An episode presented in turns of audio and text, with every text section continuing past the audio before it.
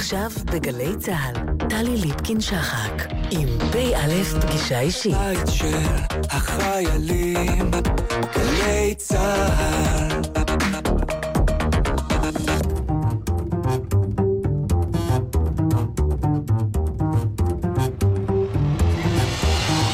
כמה דברים שאתם צריכים לדעת על הדוקטור בלהה בכרך.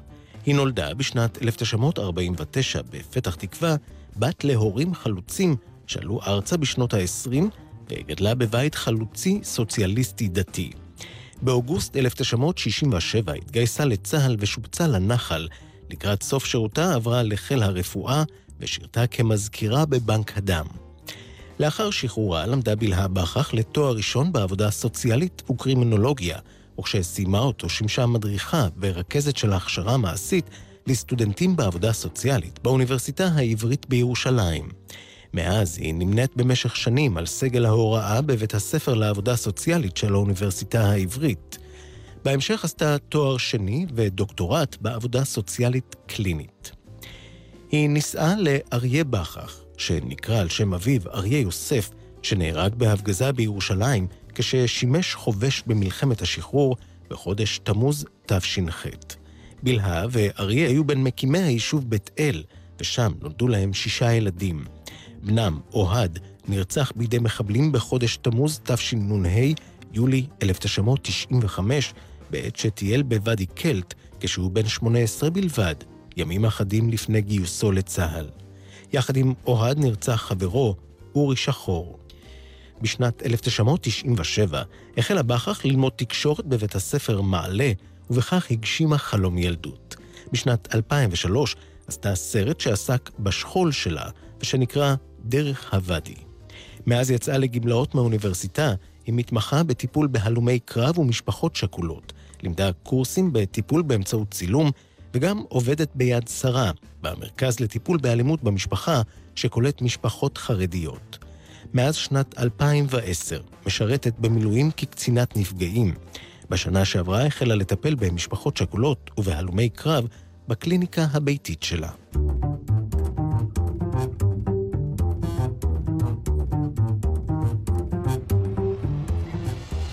פגישה אישית, דוקטור בילה בכרך, מטפלת וחוקרת שכול ומצבי חיים קיצוניים. שלום לך.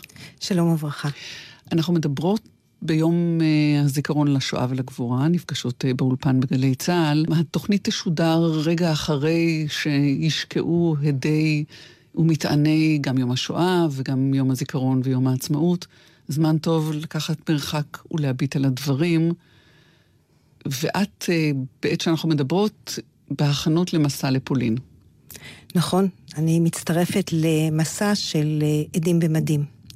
כל מסע כזה יש כמה משפחות שכולות שנציגים שלהם משתתפים, ואני משתתפת גם. זאת תהיה פעם ראשונה שלך? כן, פעם ראשונה. ובאמת שלא חשבתי שאני אעשה אי פעם. היה פחד גדול מדי, והאמת שזה עדיין נורא מפחיד. זה...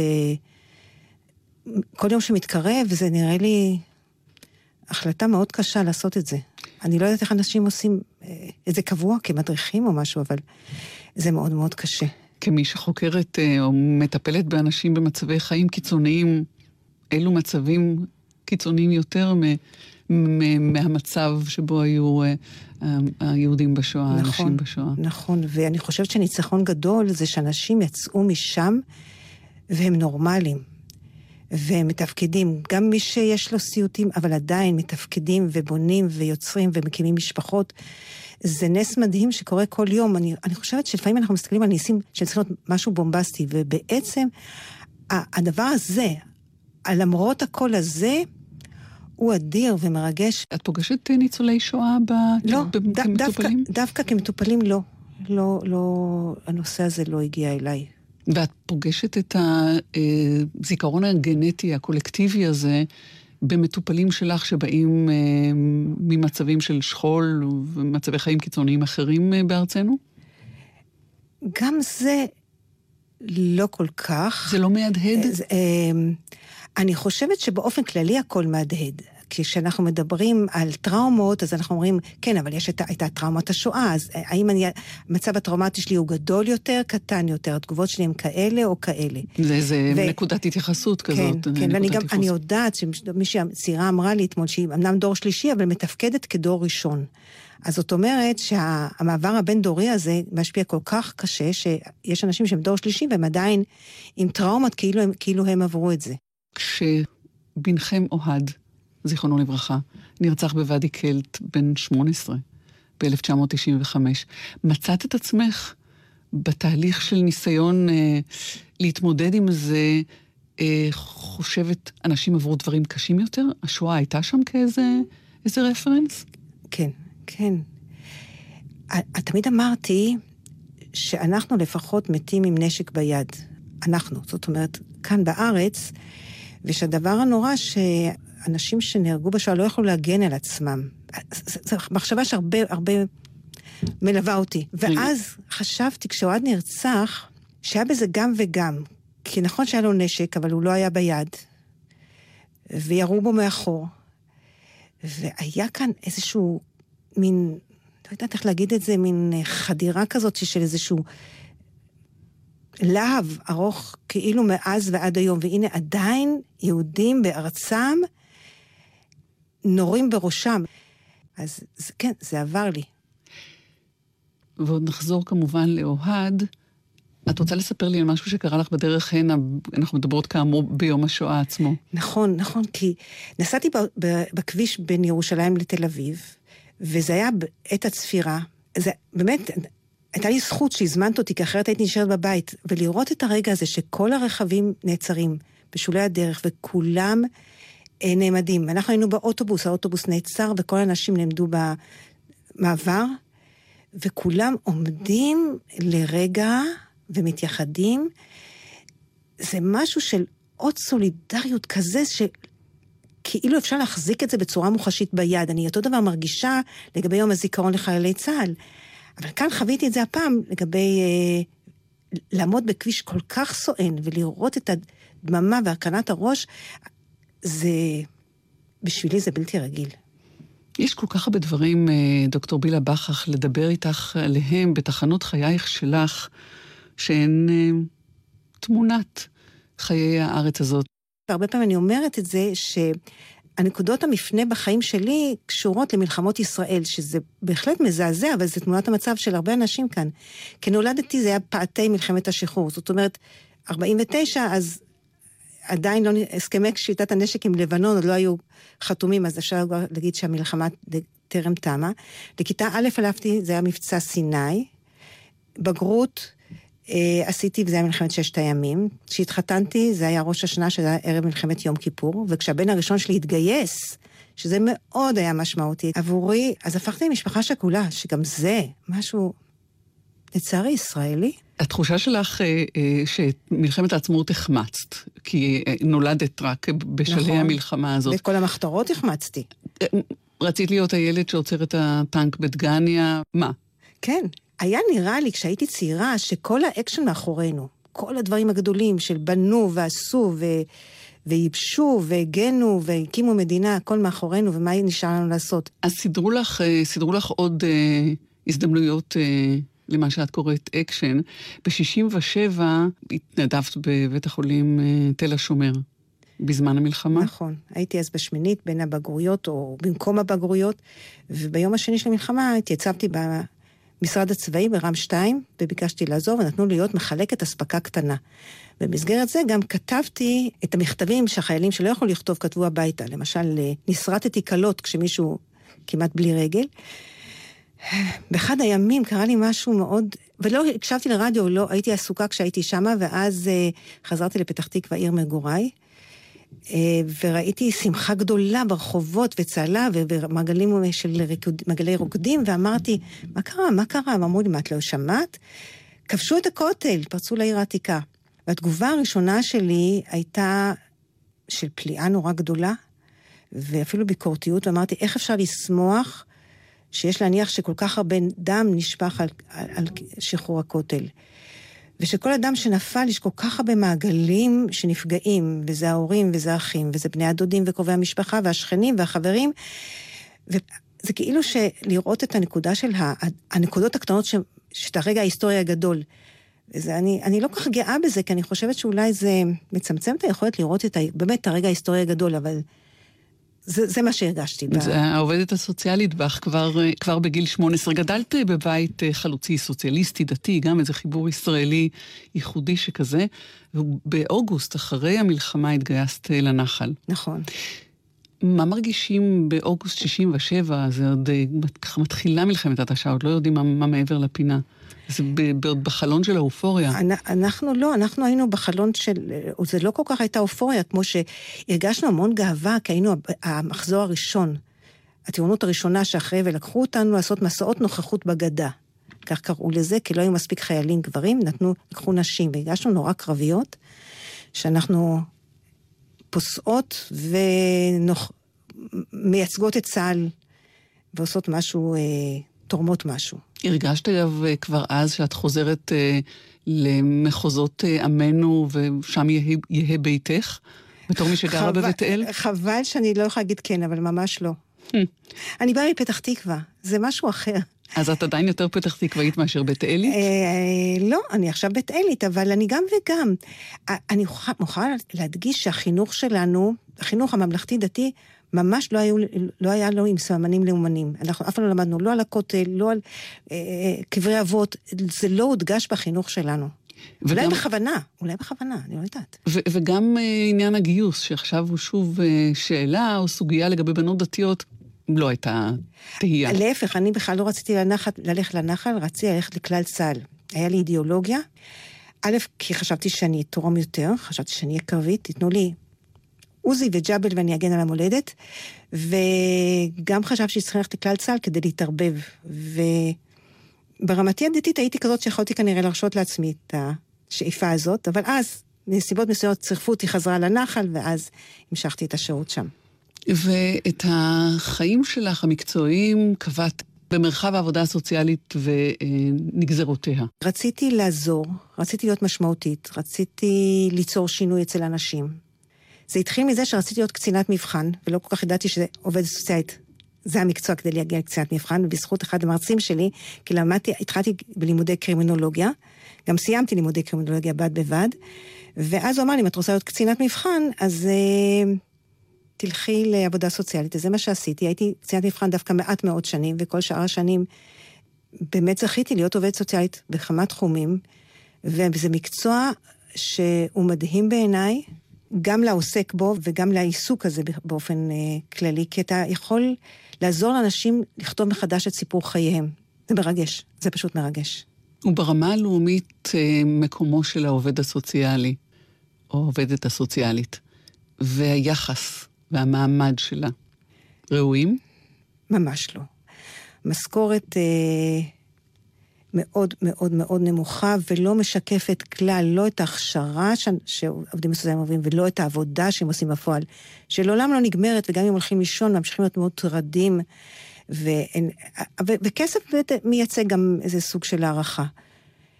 אה, כן, אני חושבת שעובדים סוציאליים צריכים להיות מאוד מאוד מוערכים, ובאמת בראש הפירמידה של אנשים שיוצרים קהילה, שיוצרים חברה.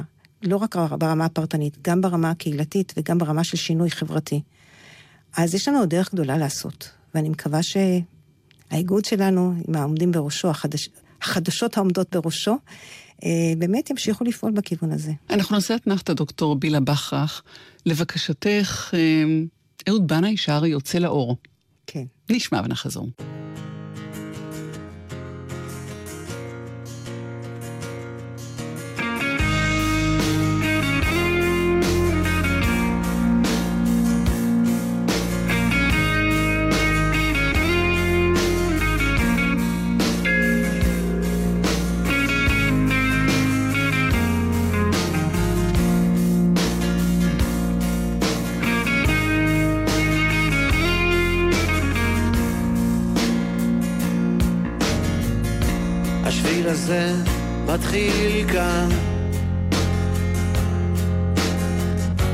סניף בנק למעיין. לא סלול, לא תמיד מסומן. השביל הזה מתחיל מכאן. חוצה את העיר עולה על ההר ממשיך על הים ממשיך גם מחר חותך באוויר בין הבתים יוצא לאור אל חיים חדשים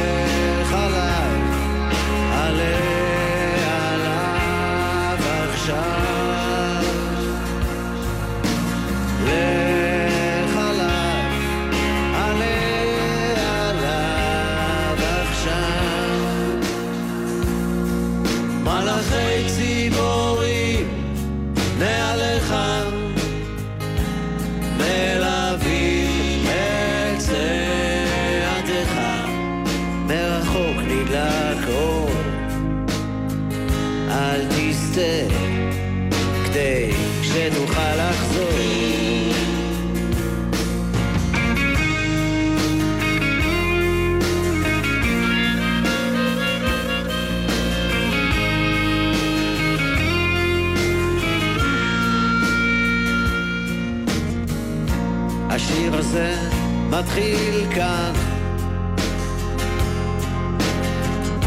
כחול על הדף הלבן.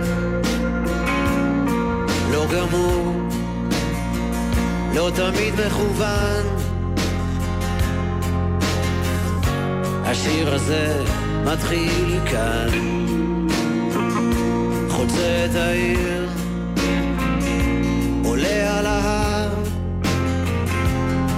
על הים, ממשיך גם מחר. חותך באוויר, בין אנשים, יוצא לאור, אל חיים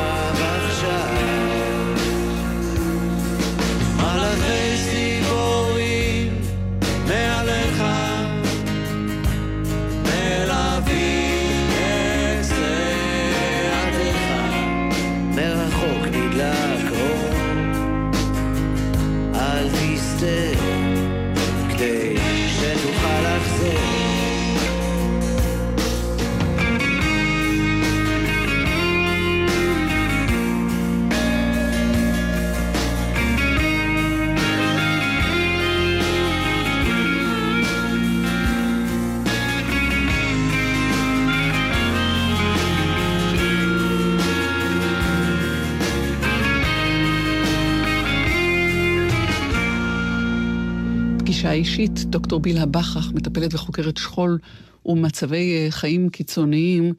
הלכת אה, והרחבת אה, עבודה סוציאלית לעבודה סוציאלית קלינית, כדי לטפל, לטפל באנשים. ומצאת את עצמך בימים האלה, ואחרי כל השנים הללו, במרכז למשפחה של יד שרה, מטפלת באלימות במשפחה.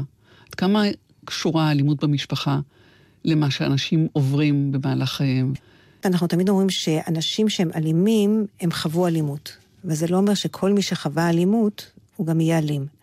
אז צריכים לזכור את ההבדל הזה, כי יש הרבה אנשים, בדיוק, שגם יוצאים בכוחותיהם הם, או בכוחות האחרים אה, לתפקד נכון יותר מה שחוו בחייהם. אבל כן, אנשים פוגעים מינית, גם נפגעו מינית הרבה פעמים, אנשים פוגעים במשפחה, אז אה, באו ממשפחות אלימות, ובאמת אחד התפקידים זה לעצור את המעגל הבין-דורי הזה, וגם כל אדם כשלעצמו, אני קוראת לזה לשחרר את האנשים, או מהדפוסים הגרועים שלהם, או מהחיים הגרועים שלהם ל- ל- לחופש וחירות.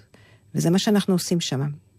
במקרה הספציפי שלנו, במרכז שבו אני עובדת ביד שרה, אנחנו מטפלים בעיקר במשפחות uh, חרדיות, uh, שכמו בכל חברה, גם שם יש אלימות. וככל שזה מוצפן יותר, כך אה, זה קשה יותר גם להגיע לזה וגם אה, לשרש את זה? נכון מאוד. אחד הצעדים הראשונים בטיפול זה לפתוח את הסוד. לפתוח את הסוד זה מאפשר, א', לשחרר אנרגיות לצמיחה ולא להשקיע בסודיות, וגם לקבל עזרה ממשפחה, מחברים. גם להיות מוגן יותר, כי כשאדם אה, מוכר, אז קשה לפגוע בו, כשהוא גלוי, ולא כשהכול בחדרי חדרים. והאופי של אלימות במשפחה, שזה בחדרי חדרים, וסוגרים את התריסים ואת החלונות, ומנתקים את האנשים מסביבה, זה חלק מהאלימות, ולכן לפתוח את הסוד ולהתחבר בחזרה לקשרים. זה הצעד הראשון. יש לי הזדמנות להגיד לכל האנשים, וכל הגברים אה, שמקשיבים לנו עכשיו, אז זה הצעד הראשון. וכן, לבקש עזרה, כי אפשר להיעזר, ואפשר לבנות מחדש את הזוגיות ואת המשפחתיות. לדרך טובה ונכונה. היכולת הזאת אה, להיבנות מחדש, או לא להתפרק, נדרשת לה, ובוודאי גייסת אותה, לעצמך ולמשפחתך, באותו שבר נורא עם אה, רציחתו של אוהד. את יודעת, אני חושבת שהחשיבה הראשונה שלי כמעט, אולי השנייה, הייתה, זהו, עכשיו צריכים להתארגן על, על להתמודד. זה... אני זוכרת שבצורה כפייתית אמרתי את המשפט, את הנעשה אין להשיב. כאילו, מהרגע שנודע לי, ואגב, נודע לי דרך התקשורת, זה משפט שחזר באובססיביות, כאילו אני מנסה לשכנע את עצמי, את הנעשה אין להשיב, ועכשיו צריכים להתארגן על להתמודד עם מה שקורה. רגע, לא נתת לעצמך פשוט למות מצער? לרגע? אה, בזמן כלשהו? אה, אני מה שאת אומרת נורא מזכיר לי מה שחברה טובה אמרה, תהיי קודם חלשה ואחר כך תהיי חזקה. ואני אומרת את זה לכולם. אני לא כל כך יודעת לעשות את זה לבד. כשהייתי מגיעה לשעה 12 בלילה ולא נרדמת, אז ב-12 ודקה היו מתחילות לזלוג הדמעות. זה לא היה בכי, זה פשוט דמעות שזולגות זולגות, או כשאני לבד ברכב ואני שומעת מוזיקה, שיר, שירים ישראלים בעיקר, זה נראה לי ששירים זה משהו מאוד תרפויטי, מאוד אה, מרפא, ואני השתמשתי בזה כקטליזטור לדמעות, אבל... אה, טוב, אני אולי עוד מחכה לשבר הגדול, וזה... או ש... תראי, זה לא משהו חד פעמי לכאוב אובדן, זה משהו מתמשך. הרצח, האירוע עצמו הוא חד פעמי, אבל המוות של הבן, של אוהד, הוא, הוא נושא מתמשך, ש... הקווץ' הזה בלב שקורה, והורים שכולים בטח יזדהו איתי, הוא קורה כל פעם, או שהוא קורה כל הזמן, או שהוא קורה כל פעם שאתה בכלל לא כל כך מצפה לו, לא עם איזשהו משהו שדווקא הרגע הזה היה צריך לקרות. ואת יודעת, בגלל שאוהד היה כל כך צעיר, אז מה שמעסיק אותי נורא, שזה מוזר אולי, זה מה יכול היה להיות ממנו. הוא היה כל כך מיוחד ושונה ומשולב וריאלי והומני ויצירתי ו- ולוגי ש- ו- ועם הומור, שתמיד אומרת, איזה מקצוע? ואני לעולם לא אדע איזה מקצוע הוא היה בוחר לו. תמיד אני אומרת לעצמי, אולי הוא היה עורך דין, אז הוא היה מתמחה באיזשהו תת נושא של מגיע מזימבבואה, או משהו כזה, כאילו... זה מין כאב שהוא הוא, הוא לא כאב על מה שהיה, הוא כאב על מה שלא יהיה, וזה כאב, כאב שלא נגמר. ספרי, ספרי על, על הרצח של אוהד, ספרי על, אם את יכולה, על או, היום ההוא. אוהד היה בתהליך של חיול וגיוס, ואני תמיד טועה מה בהתחלה. זאת אומרת שאמרתי לו, אני צריכה להתרגש היום, אז הוא אומר, לא, היום אני לא אקבל את המדים, ביום רביעי אני אקבל את המדים. אז את עוד לא צריכה להתרגש היום. זאת אומרת, עד שמכיילים את כל, את כל הבני ישיבות, אז אה, אה, יש רווח של כמה ימים. וברווח הזה הוא עשה טיול כי הוא מאוד מאוד אהב לטייל. עם חבר. עם חבר, אורי שחור, שדווקא לא אהב לטייל, אבל ממש עשה לו טובה גדולה, כי אוהד כל כך התחנן. והם הלכו שניהם, ואני תמיד אמרתי, היה לי כלל, תלכו שלושה. אחד שובר רגל, אחד נשאר עם זה שובר את הרגל, ואחד הולך להזיק עזרה. אבל הוא השיג רק עוד אחד. ודווקא מאוד שמחתי, כי הוא אמר שהוא הולך לוואדי קלט, שזה ליד אה, מצפה יריחו. מקום קרוב, 12 דקות אה, בירושלים, ומסודר, ולא הולכים לאיבוד שם, כמו בערי יהודה.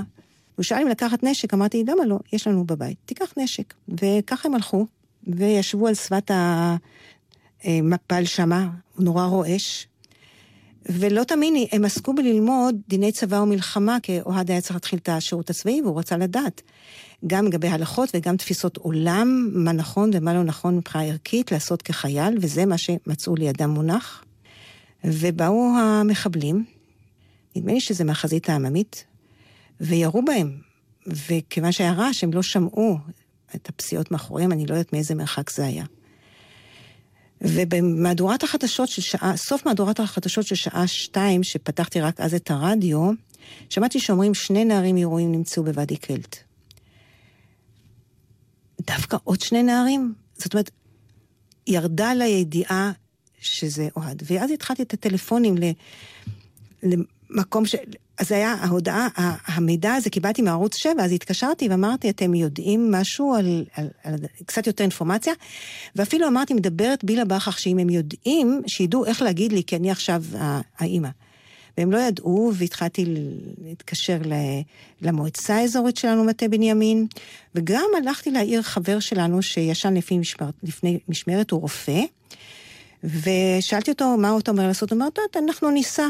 שנינו, אריה ואני, ונראה מה קורה שם בוואדי, והם נסעו בשתי מכוניות כי הם חשבו להמשיך לעבודה. אריה זה אישך. נכון, נכון, והם נסעו לשם, ואני ישבתי עם אשתו של מתי ארכמן, עידית, בבית, ואמרתי לה, זה כנראה הם. באיזשהו שלב אמרתי לה משהו שאני לא יודעת אם אפשר להבין אותו. אמרתי לה, את יודעת, אם אני רוצה שזה לא יהיה אוהד, זה כאילו אני רוצה שזה יהיה בן של מישהי אחרת. ואני לא יכולה להרשות לעצמי את זה. ואריה ומתי החבר נסעו וירדו עם הכוחות לוואדי, ואני בינתיים לא ידעתי שום דבר, לא היה אז פלאפונים. הם ירדו ואריה ירד והוא זיהה במקום ועלה עם הגופות יחד עם החיילים. ואני ישבתי וחיכיתי וטלפנתי עוד פעם למוקד במועצה ועוד פעם למוקד במועצה. ומי שהיה שם תורן במילואים אה, זה שכן וחבר, יעקב גוטמן. והוא אומר לי, בסוף, אה, עוד דקה אני חוזר אלייך. ובדקה הזאת נכנס אה, מנהל למחלקת הרווחה, שניהל אחריי, אני הייתי מנהלת הקודמת לו, ונעמד בפתח, אמרתי, אז אני מבינה שזה אוהד? הוא אמר, כן. אמרתי, למה שלחו אותך לבד? אז הוא פתח את הדלת ואני ראיתי מיליון אנשים בדממה בחצר שלנו, וכך התחיל מסע השכול שלנו, שלי, שלנו. את, שיודעת איך להתמודד או לסייע לאחרים, עכשיו צריכה לפתוח את ארגז הכלים הזה כשלעצמך. בילה, כמה מקום לכעס, לשנאה, לנקמה יש לך אז או מאז? זה כל כך מוזר, אבל אין לי. זאת אומרת, אני מאוד כועסת ברמה הלאומית. אני רואה מי כאן אויב לנו ומי לא אויב לנו. אבל ברמה האישית, תראי, אפילו לא מצאו את הרוצחים, זאת אומרת, חושבים מי, והיה כאן נושא הסגרה, והנושא שבהסכמי אוסלו הידועים לחוסר הצלחתם, נקבע שמדינת ישראל תהיה רשאית לקבל לחקירה מי שחשוד ברצח ישראלים, זה לא קרה, אבל הכל היה באמת ברמה יותר כללית, חברתית, לאומית ופחות, אני, אני, אני למשל לא חשבתי שאני ארצה ללכת למשפט. כן, אני חושבת שאנחנו מדינה ריבונית, וכואב לי שאנחנו לא יודעים להגן, שגם פה, התחלנו מזה את השיחה, שגם פה קורה רצח של יהודים בגלל שהוא יהודי. שזה דבר שכואב לי נורא, אבל... אה, אז אם יש לי כעס, יש לי כעס עלינו. יש לי כמובן כעס, אבל הוא לא מכתיב לי, הוא, זה, זה לא. זה כאילו כשאתה מקבל מכה כל כך חזקה, אתה נמעך ונהיה רך. ו... והאנרגיה לא נמצאת שמה, בלכעוס ולשנוא. איך את מגייסת את המטען הזה כשאת מטפלת היום במשפחות, אה, כן, משפחות שכולות? כן, אני מטפלת במשפחות שכולות. או בהלומי קרב לצורך העניין. נכון, ואגב, לא כולם יודעים עליי, למרות שאת יודעת, נכנסים עכשיו לאינטרנט ויודעים ברבנו גוגל כל דבר, אה, אני לא משתמשת בזה באופן המ... בלהגיד גם אצלי זה קרה ככה. לפעמים כששואלים אותי ישירות, אני לא מתחמקת, אבל... אה, כי המוקד הוא המטופל ולא אני, ולא התחרות מי מאיתנו שקול יותר, או חלילה, תחרות במרכאות כמובן, והמטופל שלי הוא במוקד. אבל... אה, קודם כל אני יודעת מה עובר, אבל אני עדיין משאירה מרווח של כל אחד עובר את זה אחרת. אבל יש דבר אחד שאני עשיתי אוטומטית, וזו הזדמנות לשתף בדעה שלי, שהיא גם דעה מקצועית לצורך זה. נושא הילדים בתוך תהליך השכול, בייחוד האם לקחת אותם ללוויות או לא, ואני יודעת שיש נטייה לנסות להגן על ילדים. לי היה ברור שהילדים שלי ילכו ללוויה של אוהד, והם הלכו, זאת אומרת, לא הייתי מכריחה אם מישהו היה אומר, אני לא רוצה. בני כמה היו? הקטנים היו בני, הייתה שש וחצי ותשע, אחר כך זה היה כמעט שלוש עשרה, בר המצווה שלו עשינו שלושה ימים בתום, אחרי תום השלושים, וחמש עשרה, אחר כך היה אוהד, ואחר כך מקומה של בתי שהייתה סטודנטית. אז היה ברור שהם, שהם הולכים, כי חשבתי שיהיה לי יותר קל להתמודד עם נזק שיעשה מזה שהם הלכו, להתמודד עם הנזק שלא יהיה להם את החוויה הזאת. ואני רואה את זה גם אצל מטופלים שחסרה להם החוויה הזאת, וקשה לי. יש כמה דרכים שאני עושה את זה, טקסים אלטרנטיביים, אה, כדי לחוות מחדש את החוויה שלא הייתה. אז זאת הזדמנות להגיד, לשתף בעמדה המקצועית שלי, אם זה יעזור למישהו, שלא יצטרכו, אבל אם כן, אז הנה היא כאן. והיית ברבות הימים בצה"ל, במילואים, היית למודיעת נפגעים. הזיכרון ההוא שהדלת אצלך נפתחת. הוא בא מנהל הרווחה, כאילו לרגע לבד. כן. היום את, בשנים האחרונות, מודיעת נפגעים. כן, אני חושבת שכבר שבע שנים. והתגל... כמובן שהתגלגלתי לזה, עוד פעם, בזכות אוהד, וגם על זה הגיע בזכות אוהד, כי נפגשתי עם קצינת הנפגעים של המשפחה שלנו, ולצורך וש... אחר, ואז שאלתי אותה, למה מציעים כפי שהציעו לביתי, כשהיא סיימה את הצבא, בגיל מאוד צעיר, יודעת, הייתה בגיל 24, שהציעו לה לעשות מילואים בהודעות נפגעים. אמרתי, למה מציעים לאנשים כל כך צעירים? זה לא מתאים. אז היא אומרת, רגע, את מוכנה לעשות את זה? אמרתי, תשמעי, אם צריכים, אני מוכנה. זה לא שחיפשתי תחום התנדבות, כי באמת יש שם אנשים נפלאים אצלנו ביחידה שהתנדבו וחיפשו את זה, ואני לא. התגלגלתי לזה בגלל בני ובגלל בתי, וככה הגעתי ועברתי את כל מסלול המיון ללא כל קשר למקצועיות שלי, וגם ביררנו יחד את הנושא של היותי אם שכולה, וזהו, ככה הגעתי לתפקיד, ואני מאוד מאוד... אה, איך להגיד, להגיד שמחה שאני עושה את זה, זה לא נכון להגיד את זה ככה, אבל אני נורא שלמה עם זה שאני שם, איתם. זה לא פותח את הפצע כל פעם מחדש כשאת צריכה להיות זאת שמודיעה? לא. כשאני שם, אני רק איתם. ממש לא, זה לא פותח את הפ... אגב, אני לא ראיתי אנשי צבא, רק מאוחר יותר הם הגיעו כך שזה, אין לנו את התמונה, אין לי את התמונה הזאת של אנשים במדים שדופקים בדלת. אמ, שזה אבל, מה שאת עושה, שזה, במדים. כן, שזה מה שאני עושה, אבל אה, לא, שאני שם, כמו כל אחד אחר, אנחנו, אנחנו נמצאים עם משפחה ואנחנו מתרגשים באמת כאילו אנחנו הולכים להביא משהו נורא ואיום. והליווי אחר כך, או הפרידה אחר כך מכל משפחה כזאת? נורא קשה. כי נורא... נפרדים, את לא נשארת כן, איתם. כן, כן.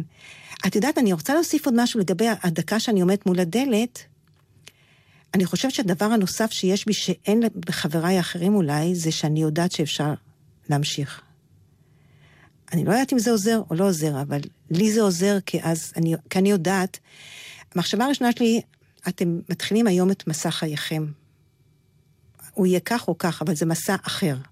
זה שיפט, זה, זה מעבר, זה, זה, זה כמו רכבת שהפסים מעבירים אותם, היא ממשיכה לנסוע, אבל הם עברו, מי שזוכר את פסי הרכבת. אה, וגם אני אומרת בליבי, אבל זה אפשרי. ואז אני נכנסת. רק הם עוד לא יודעים שזה אפשרי. נכון. נכון. את לא יכולה באמת להגיד להם את זה. ואי אפשר לקצר תהליכים. ודאי שאני לא אומרת, אני לא אומרת מאומה, אני נמצאת איתם ואני, ברגעים האלה בכלל, גם אחר כך, אני מציעה לכולם לא לתת עצות ולא להבטיח הבטחות. אתנחתא, דוקטור בילה בכרך, עוד אתנחתא, ביקשת את יותר מזה אנחנו לא צריכים. נשמע ונחזור. קשה.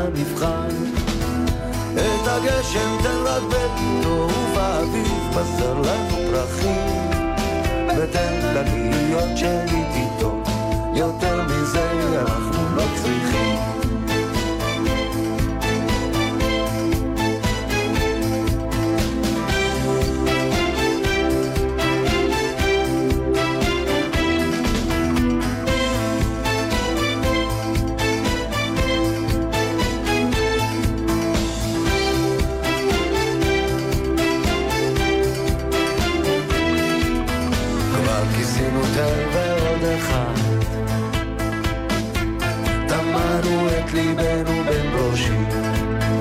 עוד מעט תפרוץ ההנחה, קבל זאת כתפילה מאוד אישית. את הגשם תדרבר איתו ובאביב בזר לנו פרחים. ותן לנו לשוב ולראותו, יותר מזה אנחנו לא צריכים. את הגשם תרבה איתו ובאביב בזר לנו פרחים. ותן לנו לשוב אל אותו. יותר מזה אנחנו לא נוצרים.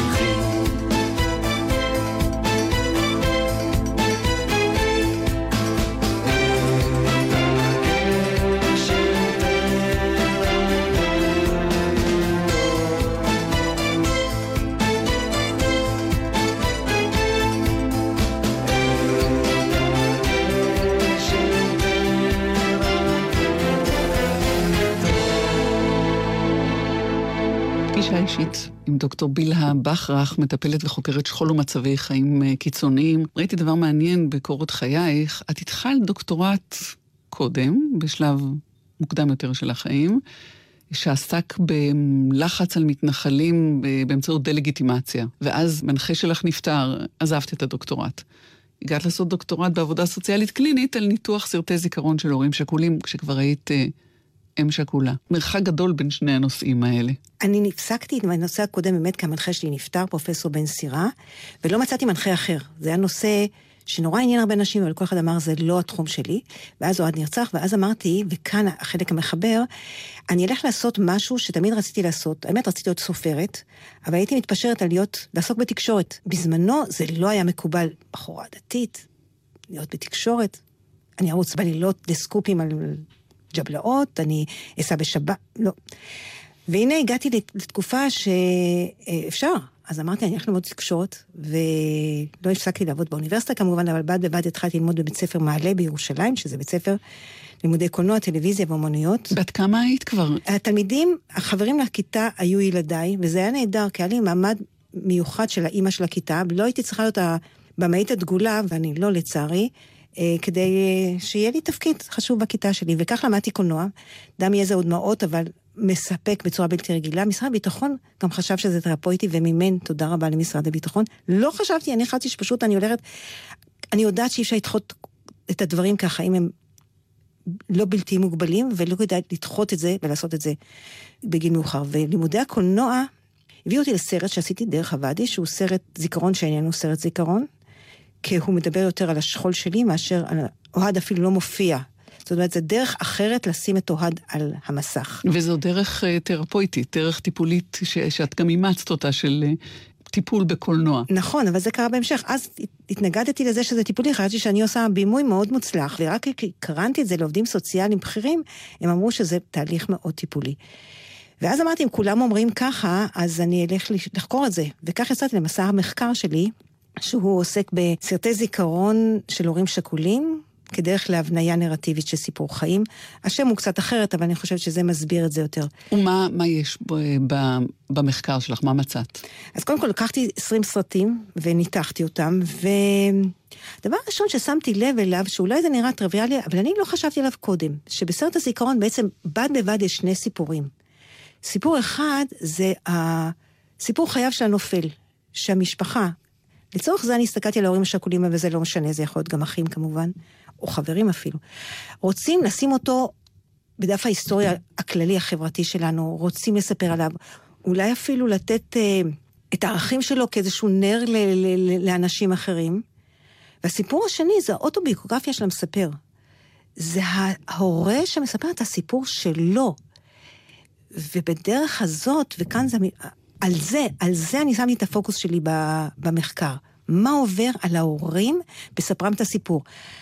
לא עצם עשיית הסרט, בוודאי שלעשות סרט כשלעצמו זה דבר מאוד מעצים. זה מוציא מחוסר אונים. זה, אתה עושה משהו למען הבן שלך שאתה כבר לא יכול לעשות, ואולי אפילו מתמודד עם אשמה לא מודעת של איך זה, הוא מת ואני חי. זה צריך להיות הרי ההפך. ועוד המון דברים, והעיסוק, עצם העיסוק במשהו, כבר נותן לך כוח. אלה דברים שפחות הסתכלתי עליהם, אלא הסתכלתי על מה קורה בדרך שבה מספרים את הסיפור, ואיך אפשר להבנות את הסיפור ככה שהוא יהיה עם איזושהי המשכיות. השבר הגדול, לתפור אותו קצת ולחבר אותו להמשך חיים משמעותיים עם הבן, אבל בצורה שונה. בימינו המחקר יודע שאם פעם אמרו שצריכים להשתחרר מזכר הבן ולשחרר את האנרגיה לחיים, עכשיו יודעים שלא רק שאין צורך להשתחרר, אלא אפשר להשתמש בבן בהמשך לא כדמות חיה, כדמות מלווה אחרת. כל נוסף שנותן כוח לחיים, נותן טעם לחיים, נותן משמעות לחיים. אז בדקת איתם, או ליווית אותם אחרי עשיית הסרט? מה קרה להם ואיך חייהם לא, השתנו? לא, אני רק הסתכלתי כמו על טקסט ספרותי, וניתחתי אותו, וראיתי כל מיני תמות שכנראה חייבות להיות בסיפור של אנשים. כמובן שהתמה של אה, אירוע המוות היא תמה שקיימת, אבל התמה היותר גדולה זה תמה של קבלת ההודעה. כי שם הסיפור של המוות, שהיה אפילו לפני יומיים, שם הוא נכנס ומרסק ועוצר את החיים. הנה את המודיעה, זאת שעובדת בתפקיד המודיעה מאז. כן, ואני יודעת כמה התפקיד הזה חשוב, אבל כמה, באמת אין מה לעשות, ההודעה תשבור ותרסק. ותמה נוספת שאותי הפתיעה הייתה הטרום אירוע. הרבה הורים סיפרו על מה קרה להם לפני. וזה יכול להיות לפני ממש קרוב, וזה יכול להיות לפני רחוק. משהו, אני והבן שלי. אני והבן שלי עשינו משהו יחד. זה כמו לתת את ההיסטוריה של הקשר שלנו קודם, כדי שאפשר יהיה להמשיך אחר כך, לאחר השבר, בהמשך ההיסטוריה המשותפת שלנו. וכפי שגם אמרתי, המון היסטוריה משותפת לי עם אוהד אחרי שהוא נרצח. כמו הדוקטורט הזה שאני מדברת עליו עכשיו. אה, זה היה מאוד מרשים, וזה לפעמים טרום אירוע אפילו שהוא אה, מיסטי, וזה מוביל, מיסטי כמו למשל הרגשתי. באותו יום הייתה לי הרגשה. או באותו יום נשבר, בדיוק נשבר העץ בפתח הבית. לא היה גשם ולא היה רעמים ולא היה סופה וזה קרה. ועוד המון, וזה תמה נורא מרכזית שגיליתי, המון סיפורים. אני קורא לזה מיסטיקה כדי ש... אבל זה יכול להיות גם יד השגחה, וזה יכול להיות צירופי מקרים, אפשר לקרוא לזה בכל מיני, וזה אצל אנשים דתיים וחילונים, מאוד מוצאים אה, את המשהו הרוחני שמלווה את המוות. ו- ואני חושבת שיש לזה משמעות. יש לזה משמעות שעוזרת להתגבר. כאילו כשאנחנו חושבים על מוות של אנשים צעירים, אנחנו אומרים, זה לא נורמלי, יש שיגעון. איך אפשר להבין את זה? איזה לוגיקה יש כאן? כשאתה אומר לעצמך, רגע, אבל אולי יש מישהו שכן יודע והעולם לא הולך להישפך לתוך האינסוף. זה מישהו הדתי ידבר על הקדוש ברוך הוא, ומישהו שאיננו דתי אומר, איזשהו כוח, עובדה שהעץ נשבר. זאת אומרת, יש איזשהו כוח עליון שיודע שיש סדר, אז אני לא יודע את הסדר, אבל יש איזשהו סדר, אז אפשר להמשיך בחיים והם לא הולכים להישפך. אמרת קודם, בילה, שאת עסוקה המון בלחשוב מה היה אוהד היום, לו חי היום. בחשבון אה, פשוט, הוא היה היום בן 41. 41. כן. ואולי זה סרט. סרט? כן. להבנות את ה... טוב, זה רעיון, זה רעיון, למרות שאת יודעת, אני עובדת על סרט אחר, אגב, שעוסק גם כן בזהות יהודית. אה, אנחנו תכף נדבר על זה. אז אני יודעת כמה קשה לעשות סרטים. לא, לא, אבל זה לא, זה לא סרט שקשה לעשות אותו מהבחינה הזאת. כי השאלה אם אה, זו דרך לתת לו, לתת לו חיים, להמציא את, את העתיד שנגזל. לא, טלי, לא חשבתי על זה. ואם יהיה סרט, אז יהיה כתובית. תודה לטלי ליפקין שחק. את יודעת מה? אני אצפה בו, אבל אה, אני מניחה שזה יכול להיות קשה מדי. את, את מתרחקת, את עושה סרט, אה, את עובדת כבר הרבה שנים על סרט דוקומנטרי שעוסק אה, בשואה, בשאלות של זהות יהודית, משהו שהוא ממש היפוכו של, ה, של הפרט או היפוכו של הכאב האישי שלך. לא ממש, בגלל שלסרט הזה הגע, הגעתי מתוך הסיפור האישי שלי. תראי, אני הייתי עסוקה במחשבה קצת לא רציונלית, אה, שבעצם יש לי איזה שבב אשמה, כי אני נתתי לאוהד את הזהות היהודית שלו, ובזאת הזהות שהרגה אותו. אז אה, מה חלקי בזה? ואז כשנפגשתי עם הסיפור של אנה לורה, שהיא יהודייה שהסתירה את יהדותה ואף התנצרה, כדי ש... וילדיה גלדו, נישאה ל... אומן אפרו-אמריקאי, וילדיה גדלו בלי לדעת את העברה, והיא חשבה תמיד שאף אחד לא יודע, אז חשבתי שזה מפגש מעניין, ואולי אני אמצא אצלה את התשובה, אם זה אפשרי לברוח מהזהות. וזה לא נגמר כי הסרט לא עשוי עדיין. נכון. אז את עוד לא יודעת אם יש אפשרות לברוח מהזהות. לא, אני כבר יודעת. אבל מה, נעשה ספוילר? Hmm. נשמור את זה. את עוסקת אה, לא מעט, ואני, אנחנו על הרקע הזה גם כבר יצא לנו לדבר בכמה סיפורים אה, שמלווים אותך. בנות שהתנדבו בבית חולים אה, במלחמת יום הכיפורים, סיפור ממלחמת העצמאות ש, שאת לוקחת איתך. זה הסופרת שבך ש... או שאת רוצה לספר לנו אותם ולהגיד איך... אה, האמת, נכון, כשאת אומרת את זה, אני חושבת שאולי זה באמת הסופרת, וגם כעובד סוציאלית לעסוק בסיפורי חיים, זה גם כן להיות סופרת, אז הנה אנחנו חוזרים להיות סופרת. הסיפורי, זה לא מתנדבות, זה חיילות, זאת אומרת, נש... אחיות ועובדות אחרות של בית חולים שדה, אה, שלחמו, ככה אני מגדירה את זה, אה, בבית החולים במלחמת יום כיפור, בגזרה הדרומית, וגם עברו את התעלה כנגד, ותתנדבו לעבור את התעלה, כי אסור היה להעביר נשים, והם ממש התחפשו כדי לעשות את זה, התחפשו לבחורים. ואני גיליתי את הסיפור הזה על מלחמת יום, על בנות, אני קוראת לזה בנות מלחמת יום כיפור. אה, עם חברה שסיפרה לנו בסעודת יום העצמאות, אנחנו תמיד עושים סעודה מאוד גדולה לכבוד המעבר מיום הזיכרון ליום העצמאות. ומישהי, שאירחנו זוג, ואמרו, אתם רוצים לשמוע איך הכרנו, ואז מסתבר שהם הכירו, שניהם שירתו, ויצא סיפור מדהים. רותי קדרי חברתי ועקיבא בעלה, על, על איך הם, מה עבר עליהם, וקודם כל, כשהיא סיפרה את הסיפור, את ראית תגובות פוסט-טראומטיות, היא אמרה, אני לא מאמינה. וכתוצאה מזה יצאתי למסע לחפש את שאר החברות. מה עוד שהיא אמרה לי, וגם פרופסור שוחט, שהיה אחד ממפקדי בית החולים, אמר לי את זה, אחר כך התכוונו לתת להן צל"ש, אבל אי אפשר להגיש אותם לצל"ש, בגלל שעברו על חוקי מטכ"ל והעבירו אותם. זה כן הכעיס אותי מאוד. כאילו, הקטע המגדרי הזה, לא מספיק שהם נשים והם עשו מעל ומעבר, אז מגיע להם צל"ש. את פנית לרמטכ"ל בעניין הזה. פניתי, כן. יש תשובה? זה, כן, יש תשובה, והתשובה היא מאוד מנומסת.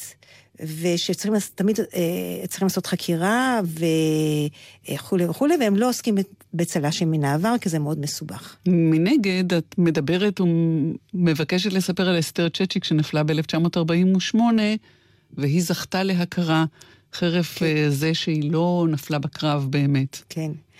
אותה פגשתי על לוח אה, זיכרון שיש בבית כנסת ברחוב הירקון בתל אביב, במקרה, כמה ימים לפני יום העצמאות של שנה שעברה, של יום הזיכרון והעצמאות, היינו שם בתפילת שבת והסתכלתי מעל ראשי, והקובייה הראשונה שראיתי היה אסתר צ'צ'יק נפלה בחטא באייר תש"ח. זה נורא ריגש אותי. אני, אני עוד עוסקת עם הבנות שלי של מלחמת יום כיפור, ועם סרט שכבר כתבה שעשו בסופו של דבר, קראו לזה, מי שירצה לצפות בערוץ 10, מלאכיות בחאקי. שאגב, זה מה שרציתי לעשות, כי רציתי שאם לא יקבלו צל"ש, לפחות שעם ישראל ידע את מעשיהם. אז השגנו את הכתבה הזאת, ואז, אה, כן, אסתר ששיק חמה, נפלה בקרב, כתוב שמה. אז היא עניינה אותי, ודווקא רק עכשיו, לפני כמה ימים, נכנסתי לראות יותר פרטים, וגיליתי שהיא הייתה אחות שטיפלה בתל אביב בחיילים, ונפצעה בהפצצה. על המקום בו היא טיפלה, והוקרא, כתוב על, ה, על המצבה, הוצאתי גם צילום מהמצבה שלה, כתוב נפלה בקרב. וזה מחזק אותי שאלה בנות יום כיפור אכן היו בקרב. חלקן אגב שירתו גם במלחמת ששת הימים, גם כן כחיילות קרביות אה, במרפא, בבית חולים. סיפורי חיים. אנחנו כמעט לפני סיום השיחה הזאת, ואת, בשעה שהתוכנית משודרת, אורזת את החפצים בדרכך אה, למסע לפולין. אז אולי ניפרד במה שהתחלנו בו. את יוצאת אה, כנציגת משפחות שכולות אה, לעדים במדים. ומה מלווה אותך? מה את לוקחת איתך? קודם כל אני לוקחת אותי את הסוגיה שכבר הזכרתי על נושא של זהות. זהות יהודית, זהות ישראלית. הדיאלוג בין הזהות של היהודים של שם ל- ל- ליהודים הישראל, לישראלי החדש שניסינו החברה הישראלית ניסתה לבנות כאן. לא כל כך ידעתי מה התפקיד שלי בתוך קבוצת החיילים, אבל בפגישה האחרונה שהייתה לי בפגישות ההכנה, אחד החיילים ישב לידי ואמר לי, כעובדה, אפילו משהו כאילו דרך אגב, הוא אמר, את יודעת, אני לא ידעתי שמשפחות שכולות נוסעים איתנו, וזה נורא מרגש אותי. ופתאום הבנתי שכנראה יש לנו תפקיד, אולי אני עוד לא יודעת אותו, אבל אולי אני, כשאני אחזור, אני יכולה להגיד לך מה היה התפקיד. באמת בשביל האנשים הצעירים האלה, אולי לעשות את החיבור בין החוויה לשם לחוויה שלנו, השכולים. אבל בשבילי אישית זה באמת ללכת עם קוממות ישראל, אני כל כך גאה שאני הולכת עם חיילים, אה, ולהיכנס למקומות ההם, זה המשהו הכי משמעותי בשבילי. לראות את יפי הבלורית והתואר והחיים והבמדים המצוחצחים צועדים לתוך, אוש, לתוך אושוויץ, זה עוד לפני שאני שמה, אני כבר יכולה להגיד לך שאני רואה בזה זכות ו- ושמחה ומתנה גדולה. אני מקווה שהם מלמעלה, אם יש דבר כזה, או איך שלא יהיה, שקורבנם באמת לא היה לשווא. שאנחנו כאן, ונושאים את, את הלפיד. והאש שלנו היא לא אש המשרפות. דוקטור בילה בכרך, לעונג היה לדבר איתך. תודה לך. תודה גם לך, טלי. אנחנו ניפרד לבקשתך עם רוחמה רז שרה בדמייך חיי. נגיד תודה לנחום וולברג, שערך איתי והפיק את המשדר הזה, לכפיר זנדברג על הביצוע הטכני, וכמובן לכם שהאזנתם לנו. אני טלי ליפקין שחק, היו שלום.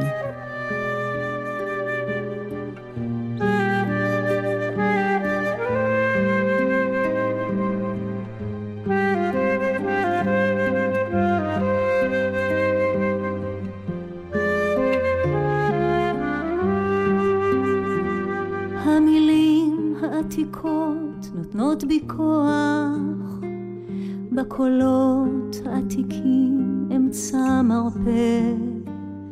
הם עוזרים לי לחיות, הם עוזרים לי לצמוח, לברוא עולם יותר יפה.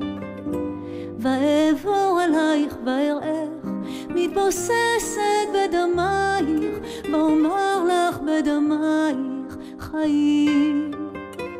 ואעבור עלייך ואראך, מתבוססת בדמייך, ואומר לך בדמייך חיים, חיים, חיים, בדמייך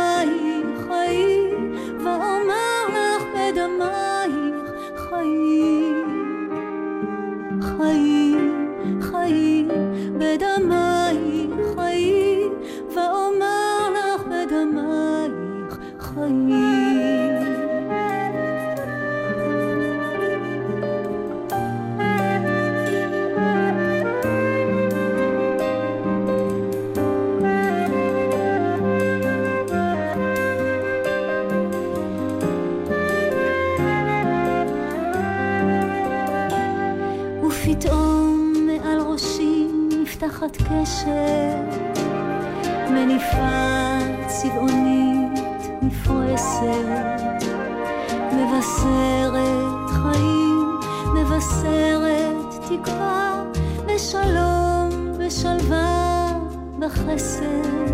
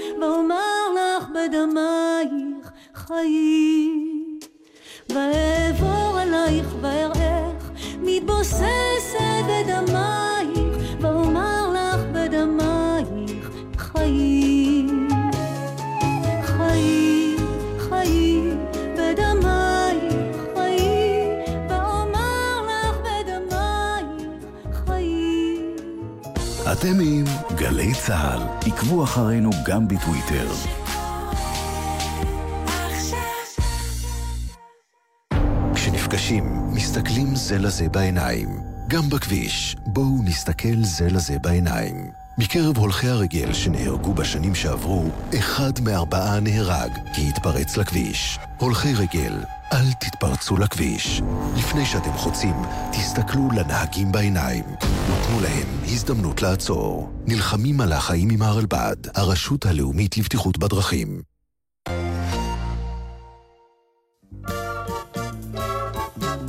צה"ל מציגה כל הג'אז הזה שתיים אלבום כפול עם מיטב הקלאסיקות מתוכנית הג'אז של גלי צה"ל. כל פילי הקיץ את הקש ואת קפיצות החגורים. 42 קטעים בלתי נשכחים, ישראלים ובינלאומיים. כל הג'אז הזה שתיים. המתנה שלכם לחג. עכשיו, בחנויות המוזיקה והספרים. הסיפורים הקטנים והגדולים. מה אתה עושה כשאתה קם בבוקר? מאחורי האלבומים הישראלים. אני אוהבת רק רדיו חזק, הפסקול הישראלי, סדרת התוכניות על האלבומים הישראלים הגדולים, בשידור נוסף לכבוד 70 למדינה. תני לי רק קצת יחס חם, פה ושם. מיד, ובכל זמן שתרצו, באתר וביישומון גלי צה"ל. מיד אחרי החדשות, תוכנית מציאות.